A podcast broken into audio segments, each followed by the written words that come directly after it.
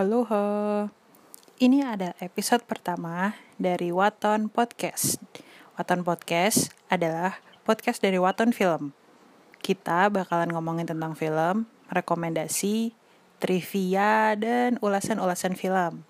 Nah, di episode pertama kali ini aku nggak sendiri. Aku Meta ditemenin sama satu orang dari ujung sana kita pakai telekonferensi aja soalnya kan di rumah aja nggak boleh berkumpul. Halo Hesti. Halo Meta. Halo pendengar Waton Podcast. Apa kabar? Baik. Gimana Hesti di rumah? Rebahan aja atau apa kesibukannya? Wah iya dong. Harus rebahan aja terus habis itu kerja dari rumah juga menghibur diri. Apa aja dilakukan pokoknya di rumah aja. Meta ngapain aja di rumah rebahan kerja karena kita kan kerjanya nggak work from home ya. Jadi ya sebisa mungkin melindungi diri dari persebaran COVID-19 teman-teman juga di rumah aja ya nggak usah keluar rumah kalau nggak penting-penting banget. Terus jangan lupa follow IG kita di Waton Film untuk informasi tontonan-tontonan yang seru terus rekomendasi dan ulasan film. Oke okay. Hes, di episode pertama ini kita kan bakalan ngomongin film tentang COVID-19. Uh -huh. Ada Contagion sama The Flu. Kita mau bahas yang mana dulu nih ya? Contagion dulu kali ya, karena The Flu lebih epic menurut aku. Oh iya. Contagion dulu. Oke. Okay. Contagion itu film tahun 2000, 2011. Uh -huh. Itu dia bercerita tentang virus namanya MEV1, MEV1 yang persebarannya itu dimulai dari Hong Kong. Ya kurang lebih mirip-mirip kayak COVID-19 sekarang lah ya. Hmm, tapi eh, di film ini lebih fokus ke penanganan di Amerika ya. Hmm, karena salah satu warganya habis bepergian ke Hong Kong, jadi dia jadi pasien zero-nya di Amerika. Dimulai dari ya, itu ya? Pasien zero-nya kebetulan juga orang Amerika. Diperanin mm -hmm. sama Gwyneth Paltrow ya. Mm-hmm. Aku pikir tuh dia kayak bakalan jadi heroin di filmnya gitu loh. Ternyata dia udah mati juga di awal. Iya, jadi baru nonton bentar loh, kok udah mati aja. Tapi um, sama juga kayak film ini kan banyak diperanin sama aktor-aktor nama besar ya. Yes. Ada Kate Winslet, terus habis itu ada Matt Damon, ada Jude Law, uh, tadi Gwyneth Paltrow juga. Nah, mm-hmm. uh, selain kamu ngira si Gwyneth bakalan jadi heroinnya, aku juga ngira si Kate Winslet itu bakalan jadi heroinnya. Karena dia kan di sini berperan sebagai salah satu tenaga medis gitu kan yang menelusuri yeah, dokternya. dan mengantisipasi. Oh, itu dia. Eh, tiba-tiba di tengah film dia sakit, terus mati tapi itu yang bikin film film ini tuh jadi manusiawi. Jadi dia kayak bener-bener portraying keadaan real di luar sana. Kalau dokter pun yang yang kita lihat kayak dia yang expert soal kesehatan pun dia juga bisa sakit dan terjangkit gitu loh. Jadi lebih manusiawi aja sih. Iya. Dan di sisi lain kayak um, pengembangan konfliknya juga enak ya. Mhm. beneran dijelasin gitu dari awal yang kenapa sakit tiba-tiba mendad uh, mendadak mati. Karena kan ini simptomsnya walaupun mirip corona tapi lebih ekstrim ya. Kayak mm-hmm. beberapa jam langsung kejang-kejang ada kejang-kejangnya juga terus habis itu ya udah gitu meninggal dunia. Terus habis itu juga ada kayak di saat pemerintah dan juga badan kesehatan uh, bingung mau ngumumin apa enggak ke publik. Mm-hmm. terus habis itu ada panic buyingnya juga. Bahkan ini sampai penjarahan ada di mana-mana sampai yeah, yeah. uh, benar-benar ada lockdown ya kalau ini juga ada lockdown tapi uh, versi lebih ekstrim gitu kayaknya mayat bertebaran di mana-mana iya ini se seperti selayaknya film Hollywood pasti Amerika sentris lah ya terus uh -huh. itu juga uh, nunjukin gimana upaya pemerintah. Ya hampir mirip kayak sekarang juga sih. Di Indonesia juga awalnya pemerintah kan nggak mau membuka yeah, data. denial. ya denial dengan harapan tuh masyarakat nggak bakal panik. Tapi malah jadinya masyarakatnya kayak kayak masa bodoh aja gitu sekarang. Tapi itu kayak khusus masyarakat Indonesia aja deh. Ya ya ya ya kalau kalau di lain um, yang aku suka dari Contagion juga karena berkabur bintang itu ya mm-hmm. karakternya banyak tapi tuh uh, mereka punya ceritanya sendiri-sendiri dan gak saling bertuburkan gitu dan setiap karakter tuh mewakilkan em, apa yang terjadi sama orang-orang di tengah pandemi kayak anaknya Matt Damon, Mhm. anaknya Gwyneth Paltrow itu kan dia masih Mhm. remaja, terus habis itu dia eh, mau pacaran tapi nggak bisa karena nggak harus physical distancing kan. Ya. Terus habis itu juga kayak ada Jude Law yang jadi jurnalis. Mhm. Itu dia jurnalis Bodrex juga sih. Itu, Oh, Bodrex. dia harus ngungkapin apa yang eh, terjadi sebenarnya dan ada juga pemerintah yang mau nutup-nutupin data dan juga penyebaran si virus ini. Iya iya. Terus di situ juga digambarin juga bahwa si wartawan si Jude Law itu ternyata kan dia kayak nyebar hoax gitu kan sama kayak sekarang juga banyak banget hoax kayak eh, bawang merah bisa mengobat eh bisa menghilangkan virus. Terus ada apa sih? Iya, iya, macam. iya, iya. Terus si Jude Law itu juga dia kan nyebutin si obat obat apa kayak obat herbal gitu yang belum belum ada uji klinisnya.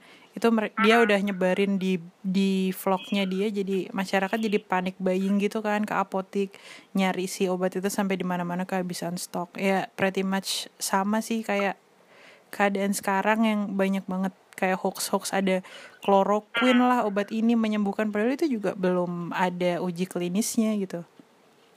Dan di sini em, sebenarnya juga agak kurang greget sih di sisi lain aku nonton Contagion karena mungkin karena memang nggak terlalu menonjolkan dramanya ya Mhm. dan em, ada beberapa adegan tuh yang kayak kesannya nanggung terus cepet aja gitu apalagi eh, bagian akhir-akhir yang akhirnya virusnya udah ditemuin dengan begitu cepatnya dengan Mhm. sebuah keajaiban Iya. terus habis itu kayak di mass produce terus udah gitu em, seakan-akan hidup kembali normal lagi karena vaksin itu udah ditemuin Mm-mm. cuman meskipun begitu twist yang di akhirnya yang soal penelusuran pasien zeronya itu jadi sesuatu yang kayak em, menarik sih meninggalkan bekas banget setelah selesai nonton Contagion ini jadi Iya. kayak bertanya-tanya apakah sebenarnya manusia virusnya Wis. atau bukan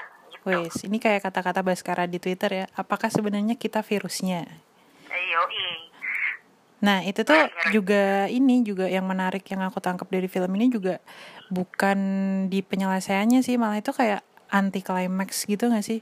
Jadi menurut aku yang yang yang seru tuh di awalnya kayak di dia penelusuran pasien zeronya terus nelusurin dari klaster ke klaster dan setelah dibuka kayak di flashback pas day one itu ya, ya- ya semua make sense dari mulai si perusahaan yang ngancurin habitat kelawar sampai kelelawarnya masuk ke pemukiman warga dan ke peternakan babi babinya ditangkap Iya, terus benar. dimasak habis itu apa dia salaman sama kokinya terus Iya, kokinya bersinggungan cuci tangan. iya bersinggungan sama pasien-pasien yang di di apa di tampilin di awal kan yang beberapa orang yang meninggal itu ya itu Di sisi lain karena nontonnya ini pas di tengah pandemi ya, aku Mhm. jadi kayak ngerasa relevan banget gitu shot-shot yang memperlihatkan em, gimana penyebaran virusnya, terus Ya. orang-orang pada batuk sembarangan lah, Yes. megang ini itu nggak cuci tangan, itu kayak jadi ikutan cemas sendiri gitu nontonnya. Ya ya ya, tapi eh, di tengah pandemi ini tuh film ini kayak jadi edukasi juga kan ke kita kita harus social distancing, harus rajin Ya, cuci benar. tangan. Si orang WHO-nya itu kan juga bilang gitu karena virusnya ini belum ada vaksinnya. Jadi the apa kayak effort yang bisa bisa kita lakukan sekarang tuh hanya ini kayak lockdown di mana-mana, terus physical distancing sambil kita nunggu si expert-expert itu mereka nyari cara buat bikin si vaksinnya itu. Iya benar, itu salah satu hal yang bikin paling relevan sih. Dan balik lagi, ini film tahun 2011. Ya, ya, it, Kayak wow, wow, premonition. yoi. Terus overall dari film ini menurut Hesti kalau misalnya dikasih skor bakalan berapa per 10? Waduh, udah kayak ini ya ahli sineas banget. Wah, sinefil, sinefil. Eh, eh, kayaknya aku bakal ngasih tujuh setengah deh, karena hmm, walaupun bagus gitu, tapi kayak nggak begitu berkesan. Hmm. Kalau misalnya nggak aku apa namanya nggak terjadi corona ini, mungkin aku nontonnya kayak oh ya udah itu just another movie about uh, wabah aja gitu Hmm, karena relate jadinya ya Iya. sedikit banyak memberi kesan. Ya sedikit sih, nggak banyak. Iya, kalau meta berapa? Aku sama juga kayaknya tu- tujuh setengah per delapan. Kalau misalnya below five itu kayak nggak ini sih kayak sayang banget itu filmnya cukup mengedukasi kita di Iya. tengah wabah seperti ini. Jadi ya tujuh setengah per sepuluh. Tujuh. Ya, terus hmm, kita mulai di eh kita mulai kita lanjut di film selanjutnya. Ya, itu The Flu. The Flu ini film Korea Hes. Itu udah sering banget diputer di Trans TV tahu filmnya. Oh iya ya, bioskop Trans TV ya. Mhm. Aku tuh emang sering dengar sih soal the flu ini karena kayak awal-awal corona rame di Cina terus habis itu masuk ke Indonesia tuh selalu orang ngaitinnya "Ih, ini kayak film Korea itu the flu the flu dan ekspektasi aku sebelum nonton the flu tuh kayak oh oke bakalan sama banget nih atau enggak seenggaknya kayak contagion itu Ya, cukup mewakilkan wow ternyata ternyata setelah nonton, wow. tapi sebenarnya emang The Flu ini kan em, apa ya durasi dua jam terus habis itu intronya cukup jelimet dia Mhm. membahas soal eh, ada dokter namanya Inhe ya kalau nggak salah Iya, Eh, itulah si pokoknya. ce- dokter cewek ini dia itu terperangkap terjerumus ke dalam lubang gitu mobilnya terus habis Mhm. itu diselamatin sama cowok regu penyelamat terus habis itu mereka somehow hidupnya bersinggungan aja gitu terus dan ternyata si eh, cewek ini punya anak namanya siapa Mire Mire ya Nggak tahu lupa. Mary. Meren, meren. Iya itu meren.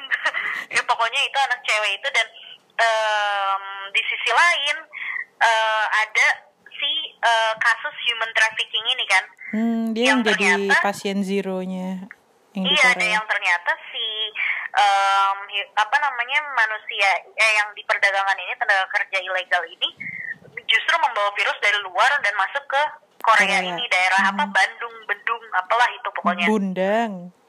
Iya bunda benar. Nah, itu. dan eh, jadi menarik aja sih kayak eh eh, karena banyak banget gitu so much happening di film ini dan jujur justru malah bikin pusing Iya, kayak konfliknya tuh nggak jelas. Ini tuh ngelawan siapa gitu. Terus kayak pengenalan karakternya di awal itu terlalu bertele-tele sih kalau menurut aku. iya benar-benar baru kayak pertengahan film kita tahu oh link-linknya ini aja Mhm. dan sebenarnya juga semakin eh, menuju akhir tuh kayak malah nambah nambah nambah terus ini kayak tipikal drama Korea kali ya Iya, iya, iya. kayak apa konfliknya tuh terus aja gitu escalating gitu Terus kayak nggak jelas juga ini tuh penanganan pasiennya gimana, kenapa orang-orang malah dikumpulin, malah nggak ada physical distancing, terus orang-orang pada ditembakin, ada militer segala, buset, ini tuh kayak yang, wow sebenarnya kita ini melawan siapa? Melawan pemerintah atau melawan penyakit? karena di tengah-tengah juga kayak kita jadi lupa sebenarnya ini film tentang apa gitu Ya, kayak ya, oke ya. kita tahu emang tema besarnya penyebaran virus tapi Mhm. Benar-benar lebay banget sih menurutku jadi lucu nontonnya bukannya malah eh, kalau contagion kan kayak kata kamu tadi ada sisi eh, apa pesan-pesan yang bisa Hmm, kita edukatif. ini ya, aplikasiin tapi ini nggak ada sama sekali udah jadi kayak lawakan aja Iya mal- malah diketawain gitu kan. Jadi banyak adegan-adegan yang seharusnya tuh nggak nggak perlu sih ini kayak apaan sih anjir kayak gitu-gitu kan. dia makanya jadi lucu dan di sisi lain tapi eh, nilai plusnya adalah film The Flu lebih greget daripada Contagion kalau menurutku karena ya kita tahu lah dra- eh, Korea dengan dramanya kan jago banget ya dan drama di film The Flu ini benar-benar dapat walaupun soal tadi flu-nya dan wabahnya itu Dilupain. udah dilupain lama sekali Iya. Jadi perjuangan rakyat melawan pemerintah. Nah itu dia. Terus Tapi yang lucunya- pemerintahnya lucunya ada- ada pemerintah Amerika. dari- Iya, itu dia kan jadi lucu. Kenapa ada orang Amerika di situ? Padahal kan Korea sama Amerika kan bermusuhan ya. Enggak dong, Korea Utara baru bermusuhan Korea Oh. Selatan temenan Oh, buat temenan. musuhin Korea Utara. Oh gitu. Mungkin itu kali. Iya, jadi Asal tuh kayak aneh, aneh banget filmnya sumpah. Aku tuh nonton ini tuh jadi kayak ini tuh filmnya tentang apa ya? Jadi ya emang nggak bikin ngantuk sih, nggak kayak Contagion. Contagion tuh Iya, lumayan bikin ngantuk sih di awal, di awal. Jadi lumayan kayak wah serius banget buset bahasannya. Terus pas Iya, nonton The ada Flu, istilah-istilah ribet juga kan. oh wow, langsung oh wow, nggak nggak bikin ngantuk. Karena kocak emang dan kayak eh, ada sih satu hal yang sama sebenarnya antara Contagion sama The Flu. Mhm. Penemuan vaksinnya tuh sama-sama cepet banget ya, sebuah keajaiban itu. Iya, tapi tuh lebih nggak masuk akal sih yang yang di yang di apa? Yang di the flu itu kayak kenapa serumnya itu diambil dari si pasien zero? Kayak ini aja, kayak kayak bisa ular aja gitu kayak antivenom dari bisa ular tuh diambil dari ularnya. Apakah mereka terinspirasi dari situ ya? Jeng jeng, bisa jadi. Padahal ya itu aku nggak tahu sih, aku nggak tahu gimana cara bikin vaksin dan gimana langkah awalnya. Cuman itu kayak jadi si pasien zeronya itu dia dieksploitasi gitu kayak dia dia adalah sumber dari obatnya. Kita harus me- bener. mengeksploitasi darahnya kayak gitu-gitu gak sih? Makanya dan lucunya si pasien Zero ini kan juga dia emang tenaga kerja ilegal kan, jadi kayak Hmm, TKI apa TKI. tenaganya nggak dieksploitasi tapi malah darahnya yang dieksploitasi. Iya. Aneh banget deh tapi eh, flu ini cuman mungkin kalau misalnya pendengar Watan Podcast mau nonton film-film yang relevan sama pandemi sekarang boleh banget sih sebenarnya The Flu ini. Hmm, Tapi kayak jadi juga ya. lawak. Mm-mm. Menghibur sekali. Terus overall, overall kalau di scoring nih berapa per 10? kalau dari segi plotnya kayaknya aku bahkan bakal cuma ngasih empat doang Oh, wow. Sotoy banget ya tapi bener-bener kayak nggak jelas Iya sih. cuman kalau dari segi uh, entertainingnya menurutku sama sih tujuh setengah juga kayak Contagion karena ini benar-benar menyenangkan nontonnya Iya, jadi dramanya dapat nggak usah nggak usah berekspektasi apa apa gitu nonton aja. iya benar Dan tidak ada sisi edukatifnya ya udah nonton buat hiburan aja. bener ini cuma sisi entertaining doang Soalnya kita semua kan diem-diem juga love the dramas. Yoi. Yoi. Makanya cocok banget The Flu ditonton.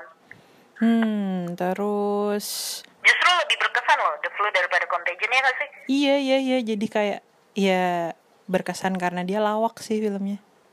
Mm-mm, itu dia. Cobalah kalian para pendengar nonton The Flu. Udah dua kali deh di Trans TV kalau nggak salah. Oh iya ya. Mm-mm. Terus Oh, oke. apa lagi ya? Coba nonton di Trans TV. I think that's it for the Oke. first episode. Thank you Hesti for Oke. the